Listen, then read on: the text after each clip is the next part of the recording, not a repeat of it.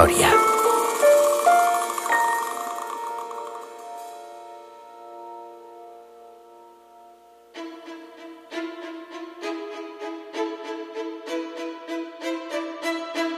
Fa 800 anys, el rei Pere I de Catalunya i Aragó no es volia ni acostar a la seva dona, Maria de Montpellier. No li agradava gens, i això preocupava els nobles, perquè si no tenia un fill, no hi hauria hereu i es quedarien sense rei. Així doncs, van decidir enganyar-lo. Li van dir que a la cambra l'esperava una donzella que a ell li agradava molt. Ell hi va anar molt content, i com que tot estava a les fosques, no es va donar que amb qui estava era precisament la seva dona. Gràcies a aquell engany, va néixer el nostre protagonista. Un nen que no ho va tenir gens fàcil, però que amb valentia i coratge va acabar convertint-se en el rei amb el regnat més llarg que mai hi ha hagut a Catalunya. Un home que va fer història. Sabeu com es deia? Jaume I, el conqueridor.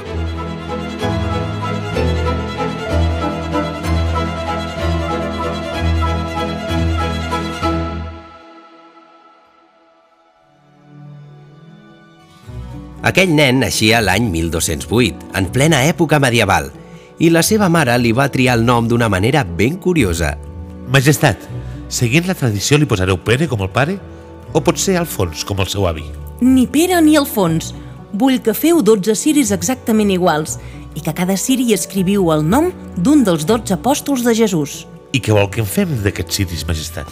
Els encendrem tots al mateix moment i l'últim que es consumeixi ens dirà el nom del meu fill. Així ho van fer, i el darrer ciri a apagar-se va ser el que duia el nom de l'apòstol Jaume, i aquest va ser el nom que li van posar. Ja us hem dit que al principi aquell nen no ho va tenir gens fàcil. De fet, encara sent un nadó, ja tenia amics.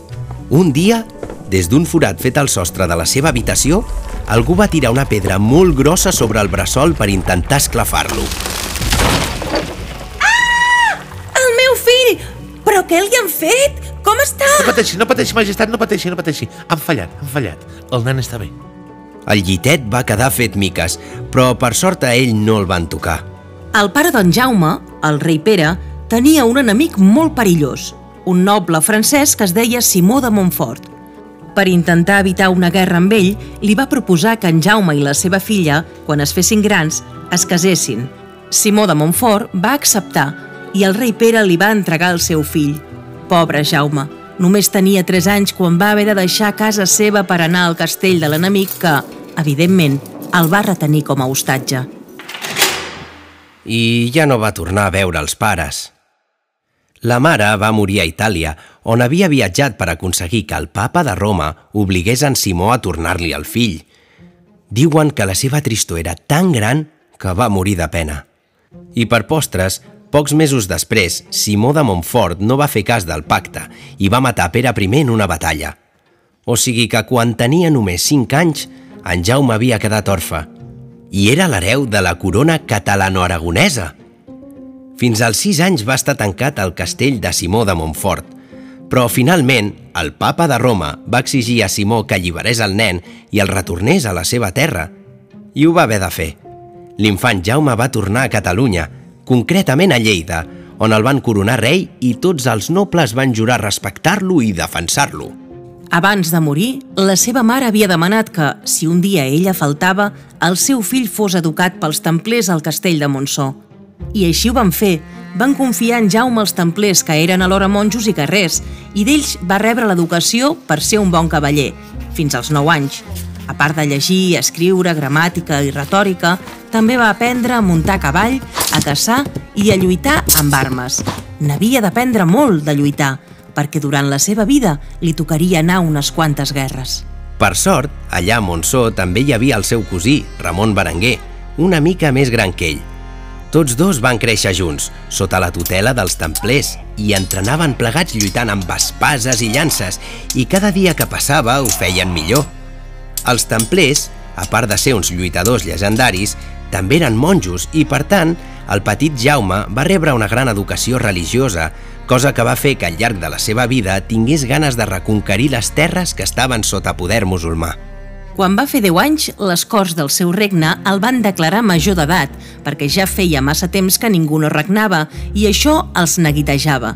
I així que en Jaume va fer 13 anys, el van casar amb Leonor de Castella, de 19 anys, perquè tinguessin un fill i així assegurar que hi hagués un hereu que seguís la dinastia. Un any més tard va néixer el seu fill, l'infant Alfons, pobre Jaume, amb 14 anys, casat i amb un fill. Val a dir que uns anys després Jaume I va demanar al papa de Roma que anul·lés aquell matrimoni i la Leonor es va fer monja.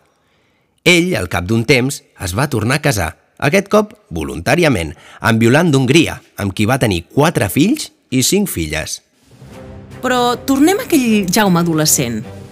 Ja era rei, però els nobles el veien com un nen i l'intentaven manipular per aconseguir el que els interessava. Però en Jaume era fort i els va plantar cara – va haver de lluitar contra els seus nobles per demostrar-los la seva vàlua. Fins a tres vegades es van rebel·lar els seus nobles. La segona vegada el van empresonar i tot, i va haver de pagar un rescat perquè el deixessin en llibertat. I amb 17 anys, per demostrar que ja no era un nen, es va proposar conquerir més territoris. Vull ampliar els dominis. El meu regne ha de ser més gran. Cap al nord a conquerir terres franceses, majestat? No, allà el meu pare va perdre la vida. Prefereixo anar al sud. Les terres valencianes estan plenes de musulmans i els hem de fer fora. Així que van baixar cap al sud, fins a arribar al castell de Peníscola, un castell molt important. Jaume I va demanar ajuda als nobles catalans i aragonesos, però li van girar l'esquena i el van deixar sol. Encara no creien en el rei Jaume perquè era massa jove. Així doncs, el setge Peníscola va fracassar. Tot i així, Jaume I sabia que tenia molta vida per davant i que, per tant, no s'havia de rendir mai. Amb tota l'experiència guanyada després d'haver superat tantes dificultats, el rei Jaume I ja tenia 21 anys i es va proposar conquerir Mallorca. En aquell moment era territori dels musulmans, que feien la guitza als vaixells catalans. Si aconseguia conquerir Mallorca i fer-ne fora els musulmans, podrien controlar el comerç cap a la Mediterrània. Va fer un impost per recaptar diners i va parlar amb mercaders que havien estat a Mallorca per estudiar l'illa i poder tramar un bon pla d'atac. No volia tenir un altre fracàs com el de Peníscola. Per tant, aquest cop havia de tenir els nobles al seu costat. Va parlar amb els nobles catalans i els aragonesos i, per convèncer-los, els va oferir una part de les terres que conquerissin i el botí, els catalans van acceptar, els aragonesos no, però el rei estava impacient i va pensar que amb els catalans en tindria prou. Era el 1229 i de les platges de Salou en van sortir més de 150 vaixells amb 15.000 soldats i 150 cavallers a cavall. Aquest mar ha de ser nostre. N'hem de fer fora els musulmans. Esteu nerviós, majestat? Nerviós no. Som molts milers d'homes. Estic ansiós. Vull arribar-hi ja i treure'm aquella espina clavada que va ser el fracàs de Peníscola. Aquest cop guanyarem. I tant si guanyarem. Van estar dos dies navegant fins que hi van arribar. En veure'ls arribar, tots els musulmans, espantats, es van tancar a la capital, que llavors es deia Medina Mallorca. Les tropes de Jaume I van estar assetjant la ciutat durant tres mesos amb tot tipus de màquines de guerra, com ara ariets i catapultes. Però les muralles de la ciutat eren fortes. Calia tenir paciència i no rendir-se. I al final, el 31 de desembre, van fer el darrer assalt i van guanyar la batalla. Van entrar a la ciutat i com que els homes de Jaume I estaven farts d'esperar el botí, van fer una matança terrible i van saquejar tota la ciutat. Ho van assolar tot durant 18 dies. Passaven els anys. Jaume I ja era un rei respectat. Als 35 anys era un home fort, amb una llarga cavallera rossa, musculós i més alt que la resta d'homes. Penseu que llavors hi havia pobresa i mala alimentació i la gent no creixia massa. En canvi, un rei com ell havia crescut sa i ben alimentat i tenia ganes de seguir conquerint territori. Ja vam fer fora els musulmans de Mallorca. Preparem-nos per a la següent campanya. Quin objectiu teniu, majestat? El que ja tenia els 17 anys i que per manca del suport va fracassar. El lloc on els musulmans són més forts. València. Teniu raó, majestat. Aquest cop fins i tot els nobles d'Aragó us faran costat. Ho han de fer. València serà nostra. I així va ser. Jaume I comptava amb el suport de tots els nobles per anar a lluitar i així guanyar València als musulmans. Van començar per Borriana i van aconseguir conquerir el nord de València. Van ser cinc anys seguits d'atacs i saquejos. A totes aquestes campanyes, com us podeu imaginar, milers de soldats dormien en tendes. Hi havia campaments que ocupaven prats sencers i sempre al mig del campament hi havia la tenda més alta, la del rei. Doncs mireu si passaven dies i dies atacant muralles enemigues que fins i tot una oreneta va tenir temps de fer niu al pal més alt de la tenda de Jaume I. I no sols hi va fer niu, sinó que també hi va criar i tot. El 1237, Jaume I va tornar a Catalunya a buscar més reforços i això ho van aprofitar els musulmans per atacar el seu exèrcit, que l'esperava.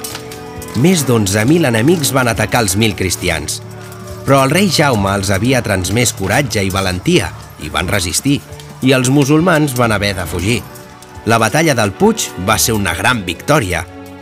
Quan el rei va tornar, va decidir que no tornaria a deixar els seus soldats sols i per demostrar-ho es va instal·lar a la seva tenda amb la seva esposa, Violant d'Hongria. Tocava avançar cap a València. Jaume I va sortir de la tenda amb el casc lluent i la capa de viatge a les espatlles i va donar l'ordre de desmuntar el campament. Quan els seus servents van començar a fer-ho, l'oreneta que hi havia fet niu va començar a volar i a xisclar. Atureu-vos! Aquesta oreneta havia fet niu a la meva tenda i ella també forma part de les nostres victòries. No la farem fora de casa. Que la meva tenda no es desmunti fins que ella i la seva família decideixi marxar. Tal com havia passat a Mallorca, milers i milers de musulmans van refugiar-se darrere de les muralles de la capital – aquest cop, València. Imagineu-vos quina por que tenien a l'exèrcit de Jaume I que la ciutat va passar de 15.000 habitants a tenir més de 50.000 persones muralles endins en molt poc temps. El 1238 va començar el setge. Més de 60.000 guerrers envoltaven la ciutat i utilitzaven trabuquets per bombardejar les muralles de la ciutat sense descans. Un trabuquet era una màquina de guerra revolucionària era similar a una catapulta que llançava pedres de 150 quilos a més de 300 metres de distància. Seguia el setge a València i un dia, en un atac dels homes de Jaume I a un grup de guerrers musulmans, el rei va veure que tot plegat formava part d'un parany i va anar a defensar-los a cavall amb un grup d'homes més. Es va acostar tant a les muralles que va rebre una fletxa al cap. Han ferit el rei! No, no estic pas ferit. Ho veieu? Es va arrencar la fletxa tot sol i va començar a riure ben fort. Només és una esgarrapada. Va, som-hi! A l'atac! I tant si l'havien ferit, però Jaume I no volia mostrar-se feble i dèbil, o serien derrotats. I la jugada li va sortir bé. Per sort, la ferida no era mortal i aquella manera de reaccionar va donar força i moral als seus homes, que van culminar l'atac amb èxit. El setge, els bombardeigs, els atacs a cavall i les lluites amb espasa cos a cos van durar mesos i finalment els musulmans es van rendir. La bandera de la mitja lluna desapareixia de la ciutat i s'hi alçava la bandera de les quatre barres. Quina gran victòria! El rei Jaume I va entrar triomfant a la ciutat de València el dia 9 d'octubre. I és per això que al País Valencià se celebra la Diada Nacional en aquesta data. Per evitar que passés el mateix que havia succeït a Mallorca, on hi va haver aquella gran matança, Jaume I va acompanyar i escortar els vençuts perquè poguessin marxar sense que els matessin. La resta de ciutats i castells de València es van anar rendint de mica en mica i finalment tot València va ser conquerida per Jaume I. Les noves terres a la costa les van repoblar catalans i les de l'interior aragonesos. Els musulmans, que no van marxar, van quedar sotmesos als cristians – Podien practicar la seva religió i governar-se amb les seves lleis, però havien de pagar impostos i alguns se sentien maltractats. Per això es van revoltar fins a tres vegades, però totes tres vegades van fracassar. Els homes de Jaume I els van esclafar.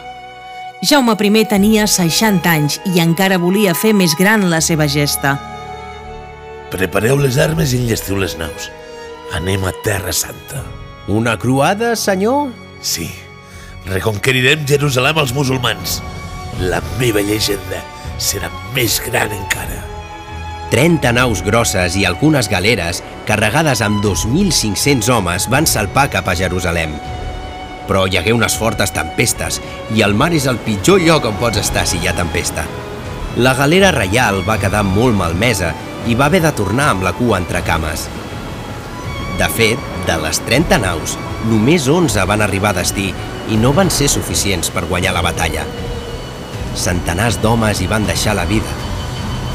La croada catalana també passaria a la història com la croada fallida. Jaume I va arribar a vell i va tenir un regnat de 58 anys, el més llarg de la nostra història. I va voler ser recordat així, com un heroi valent i fort que va guanyar gestes i honor. Per això va fer escriure el Llibre dels Fets, la primera gran crònica de les quatre que es van escriure a l'època medieval, un llibre que encara es conserva i que ens ajuda a comprendre una mica més l'edat mitjana. Podem suposar que, com que va ser dictat pel mateix rei, devia exagerar una mica els èxits i amagar una mica els fracassos. Tot i així, ens ha ajudat a saber moltes coses d'aquest home que no es va rendir mai, que tants territoris va conquerir i que gràcies al seu coratge i a la seva valentia va fer història.